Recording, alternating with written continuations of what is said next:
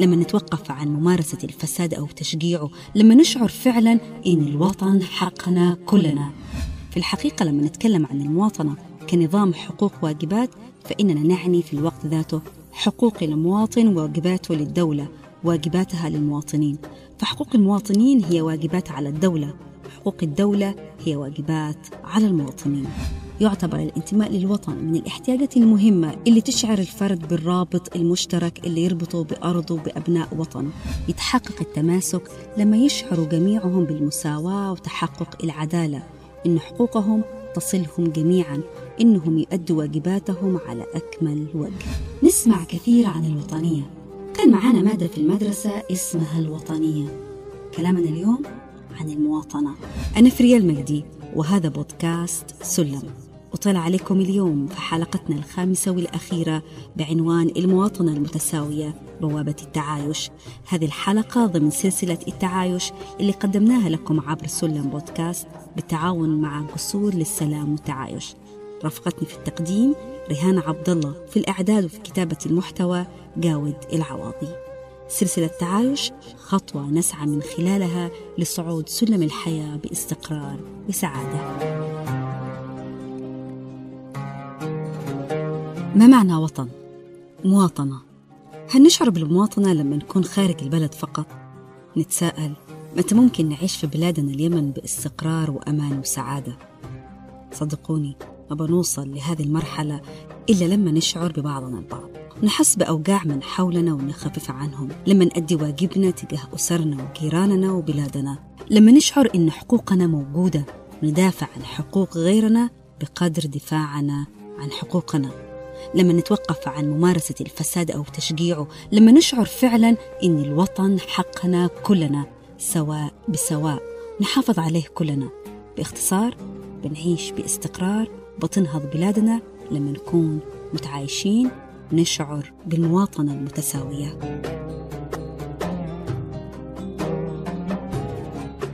صباح الخير لمن يسمعني صباحا ومساء الخير لمن يسمعني مساء. أنا فريا المجدي وهذا بودكاست سلم. وطلع عليكم اليوم في حلقتنا الخامسة والأخيرة بعنوان المواطنة المتساوية بوابة التعايش. هذه الحلقة ضمن سلسلة التعايش اللي قدمناها لكم عبر سلم بودكاست بالتعاون مع جسور للسلام والتعايش. رافقتني في التقديم ريهان عبد الله في الإعداد وفي كتابة المحتوى جاود العواضي. سلسلة تعايش خطوة نسعى من خلالها لصعود سلم الحياة باستقرار وسعادة.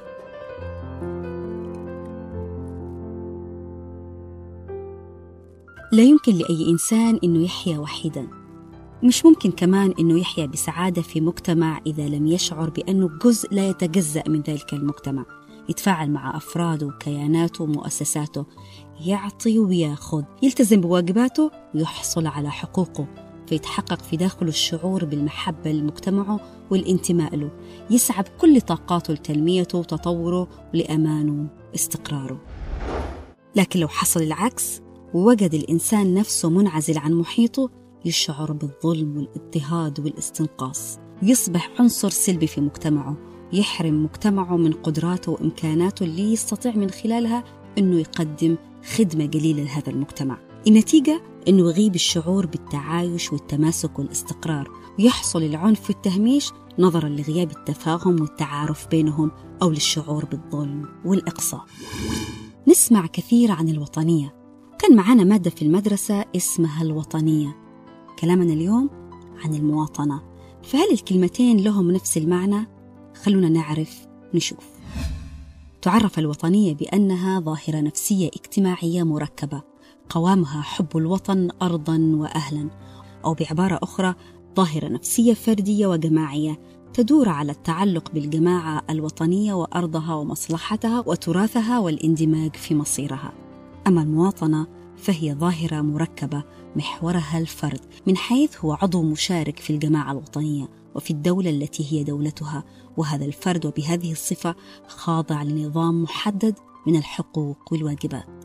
بعبارة أخرى الوطنية والمواطنة وجهان متباينان من وجوه الارتباط بالجماعة الوطنية ووجودها السياسي. في الحقيقة لما نتكلم عن المواطنة كنظام حقوق واجبات فإننا نعني في الوقت ذاته حقوق المواطن وواجباته للدولة واجباتها للمواطنين. فحقوق المواطنين هي واجبات على الدولة حقوق الدولة هي واجبات على المواطنين. وعشان تتحقق المواطنة المتساوية لازم تتوفر خمسة شروط رئيسية. خلونا نتعرف عليها أكثر. الشرط الأول يعد اكتمال نمو الدولة ذاتها بعدا أساسيا من أبعاد نمو المواطنة ويتحدد نمو الدولة بامتلاكها لثقافة تلك الدولة اللي تؤكد على المشاركة والمساواة أمام القانون.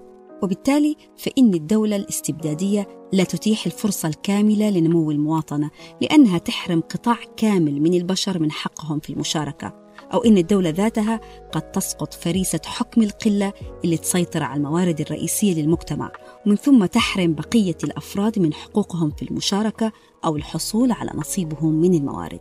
الأمر هذا يدفعهم بداهة إلى التخلي عن القيام بواجباتهم والتزاماتهم الأساسية وما يعني تقلص مواطنتهم بسبب عدم حصول المواطن على جملة الحقوق والالتزامات الأساسية التي ينبغي أن تتوفر له.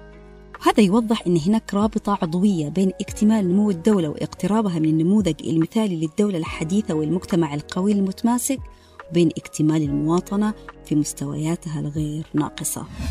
الشرط الثاني ارتباط المواطنة بالديمقراطية. ذلك بوصف أن الديمقراطية هي الحاضنة الأولى لمبدأ المواطنة. في هذا الإطار تعني الديمقراطية التأكيد على لا مركزية القرار في مقابل اختزال مركزية الجماعة. كما تعني أن الشعب هو مصدر السلطات إضافة إلى التأكيد على مبدأ المساواة السياسية والقانونية بين المواطنين بصرف النظر عن الدين أو العرف أو المذهب أو الجنس. عشان تكون المواطنة فعالة من الضروري أنه يتوفر لها قدر من الوعي المستند إلى إمكانية الحصول على المعلومات من مصادرها المختلفة بحيث تصبح هذه المعرفة قاعدة القدرة على تحمل المسؤولية وتشكل أساس القدرة على المشاركة والمساءلة. الشرط الثالث تمتع المواطنين بكافة الحقوق السياسية والقانونية والاجتماعية والاقتصادية والثقافية. هذا يعني قيام عقد اجتماعي يؤكد على أن المواطنة في الأمة هي مصدر كل الحقوق والواجبات أيضا مصدر لرفض أي تحيز فيما يتعلق بالحقوق والواجبات وفق أي معيار سواء الجنس أو الدين أو العرق أو الثروة أو اللغة أو الثقافة. كذا فإنه من الضروري تأكيد التلازم بين الحقوق والواجبات القانونية والسياسية والحقوق الاجتماعية والاقتصادية والثقافية عشان تتحقق الديمقراطية الكاملة. يتطلب التأكيد على المواطنة التأكيد على المساواة والعدل الاجتماعي فيما يتعلق بتوزيع الفرص الاقتصادية والاجتماعية والثقافية وبطبيعة الحال السياسية.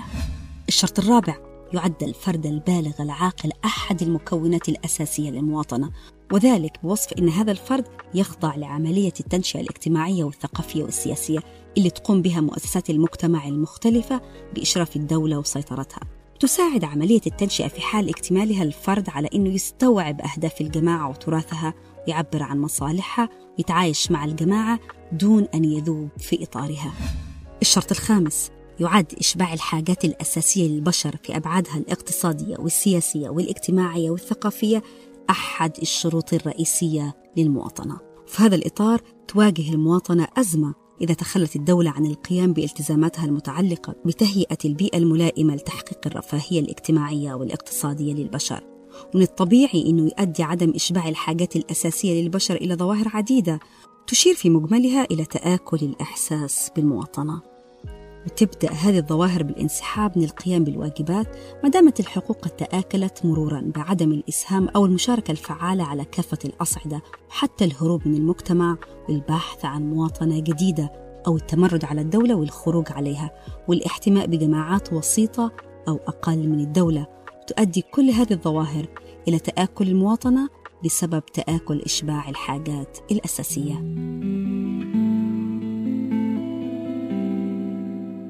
تتكون المواطنة من ثلاثة عناصر أساسية. العنصر الأول هو العنصر المدني. يتضمن الحرية الفردية وحرية التعبير والاعتقاد والإيمان وحق التملك والحق في العدالة. تحقيق العنصر المدني في المواطنة في المؤسسات القضائية. العنصر الثاني هو العنصر السياسي اللي يعني الحق في المشاركة في الحياة السياسية ووصف المواطن عنصرا فعالا في السلطة السياسية من خلال البرلمان.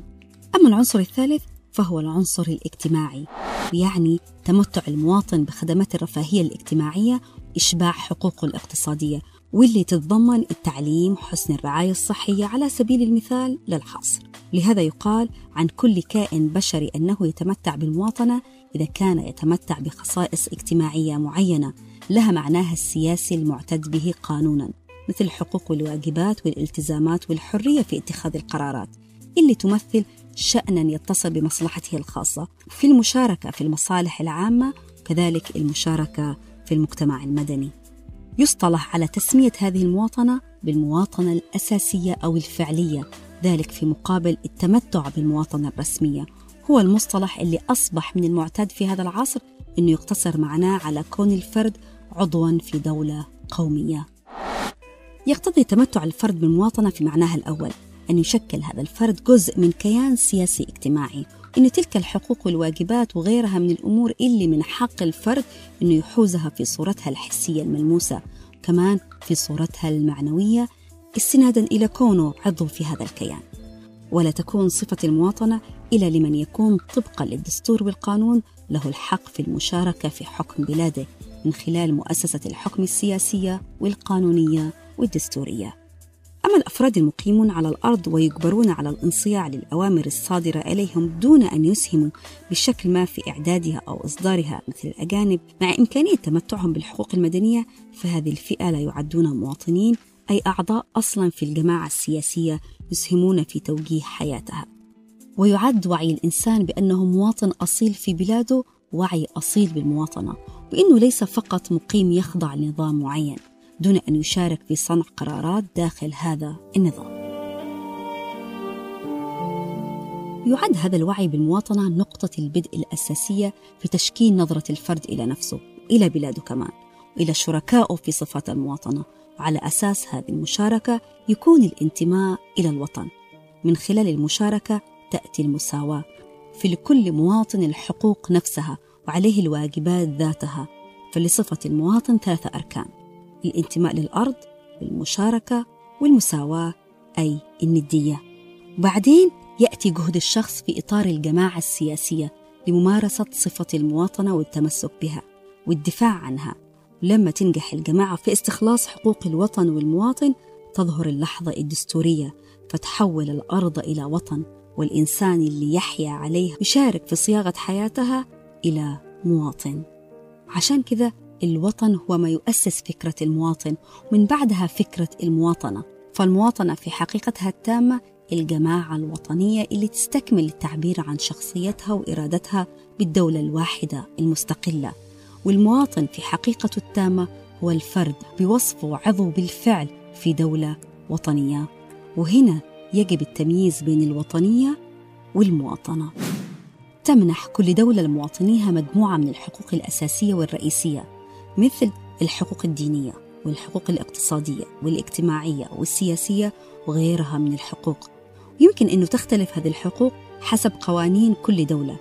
عشان كذا لازم نشير إلى أن المواطن في أي دولة يجب أنه يتمتع بثلاثة أنواع رئيسية من الحقوق بغض النظر عن عرقه أو لونه أو لغته. الحقوق المدنية السياسية. يطلق على هذا النوع من الحقوق اسم الجيل الأول من الحقوق. هو يرتبط بالحرية بكافة أشكالها.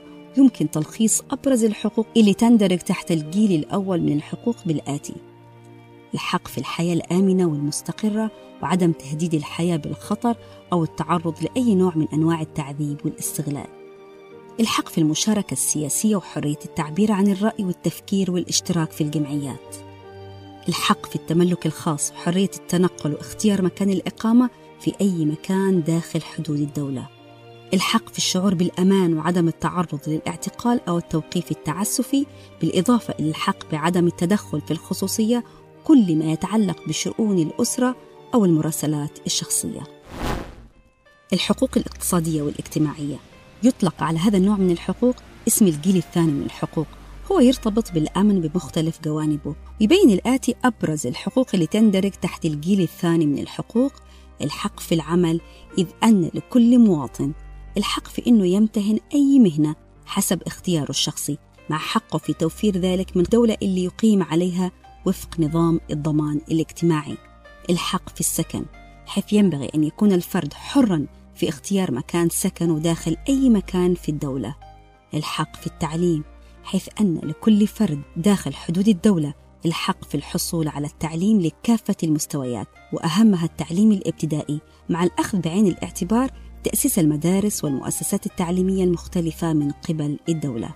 الحق في الحصول على الرعاية الصحية إذ أن لكل مواطن الحق في الحصول على العلاج الطبي ضمن مستشفيات الدولة ومؤسساتها الصحية، بالإضافة إلى الحق في الحصول على التأمين الصحي تلبية احتياجات المناطق الريفية للخدمات الصحية بنفس مستوى الخدمات التي تقدم في المناطق الحضرية. الحق في اللجوء للقضاء والحصول على المحاكمة العادلة والحماية القانونية بالإضافة إلى الحق في الحصول على أي معلومة قد تكفل حماية حقه. الحقوق البيئية والثقافية والتنموية. يطلق على هذا النوع من الحقوق اسم الجيل الثالث من الحقوق وهو يتمثل في حق المواطن في العيش في بيئة غير ملوثة ونظيفة وآمنة غير مزعزعة. ويبين الآتي بعضا من أهم الحقوق التي تندرج تحت الجيل الثالث من الحقوق. الحق في العيش داخل بيئة نظيفة. الحق في ممارسة التنمية السياسية والاقتصادية والثقافية. الحق بالعيش في سلام. الحق في العيش داخل مجتمع متضامن اجتماعيا. الحق في اعتناق الأديان وأداء العبادات الخاصة بها. قلنا إن المواطنة حقوق وواجبات. وبعد ما عرفنا حقوق المواطنة خلونا نتعرف على واجبات المواطنة. تتمثل واجبات المواطنة في فرض القوانين والأنظمة والأحكام للسيطرة على جميع النواحي المهمة في الحياة. يندرج تحت بند واجبات المواطنة النواحي الأخلاقية والوطنية والعائلية والقانونية والعقائدية والاجتماعية. ويبين الآتي بعض من أهم واجبات المواطنة دعم التعليم من خلال المشاركة فيه وإنشاء المدارس. معرفة قوانين الدولة ومتابعة تطبيق الدستور. المشاركة في نشر وتعزيز المفاهيم والمبادئ والقيم اللي ينص عليها قانون الدولة. احترام الحقوق اللي ينص عليها القانون. السعي في تحقيق السلام ونشره في المجتمع. دعم الدولة ومساندتها في حالة الكوارث الطبيعية والحالات الطارئة والحروب. منع انتشار أعمال الفساد وإدانتها. دفع الضرائب المترتبة حسب القانون وحسب الحالة الاقتصادية. الالتزام والسعي للعمل حسب القدرة البدنية والفكرية لكل شخص. والمشاركة في الأنشطة المجتمعية المفيدة. دعم وممارسة المبادئ المنصوص عليها في دستور الدولة. دعم وتثقيف الأبناء والمساواة بين الزوج والزوجة في المسؤوليات. يمكن إطلاق مصطلح مواطن على أي شخص يقيم ضمن حدود دولة معينة يستفيد من امتيازات المواطنين فيها ويتمتع بكافة الحقوق الاجتماعية والسياسية. ومن وجهة نظر أرسطو فإن المواطن هو أي شخص يستطيع ويمتلك حق المشاركة في الإدارة القضائية أو التداولية أو في أي ولاية أو منطقة ضمن حدود الدولة التي يعيش فيها. أما عن أسباب الحصول على جنسية البلد اللي يقيم فيها المواطن فهي كالآتي بغض النظر عن بعض الاختلافات في المعاملات الدولية والسياسات الخاصة ببعض الدول. الولادة داخل حدود الدولة. النسب أنه يكون الوالد مواطن في تلك الدولة. الزواج من مواطن في الدولة. التجنيس حسب قوانين الدولة. في الختام يعتبر الانتماء للوطن من الاحتياجات المهمة اللي تشعر الفرد بالرابط المشترك اللي يربطه بأرضه بأبناء وطنه. يؤدي هذا الشعور إلى صقل توجهاته بحيث تتحول إلى توجهات تهدف لخدمة الوطن والمجتمع والتفاني والتضحية من أجلهم. والمشاركة في تنمية المجتمع وتحقيق تماسكه والتعايش بين أفراده. إنه يشعر حينها بقيمته الحياتية اللي بتنمو مع الأيام والسنين لتنعكس على أسرته وجيرانه وحيه ومنطقته ومدينته والوطن بشكل عام. لا يمكن أن تحقق محبة المواطن الوطن إلا بالتزاماته بواجباته وحرص المجتمع على توفير حقوقه تسهيل وصوله إليها بالتساوي مع كل من حوله عشان تفتح وقتها بوابة التعايش بين أفراد المجتمع يتحقق التماسك لما يشعروا جميعهم بالمساواة وتحقق العدالة إن حقوقهم تصلهم جميعا إنهم يؤدوا واجباتهم على أكمل وجه. هذه الحلقة الأخيرة من سلسلة تعايش ضمن بودكاست سلم. هذه السلسلة الخاصة بالتعايش المجتمعي. لا تنسوا تتفاعلوا وتشاركوا الحلقات عبر صفحاتكم في وسائل التواصل الاجتماعي المختلفة. لتعليقاتكم وملاحظاتكم يمكنكم مراسلتنا عبر صفحة بودكاست سلم أو الإيميل المرفق في الوصف. انتظر بودكاست سلم في سلسلات جديدة لنواصل صعود سلم الحياة بثقة خطوة بخطوة. دمتم دام وطننا الحبيب اليمن في وئام وتعايش واستقرار.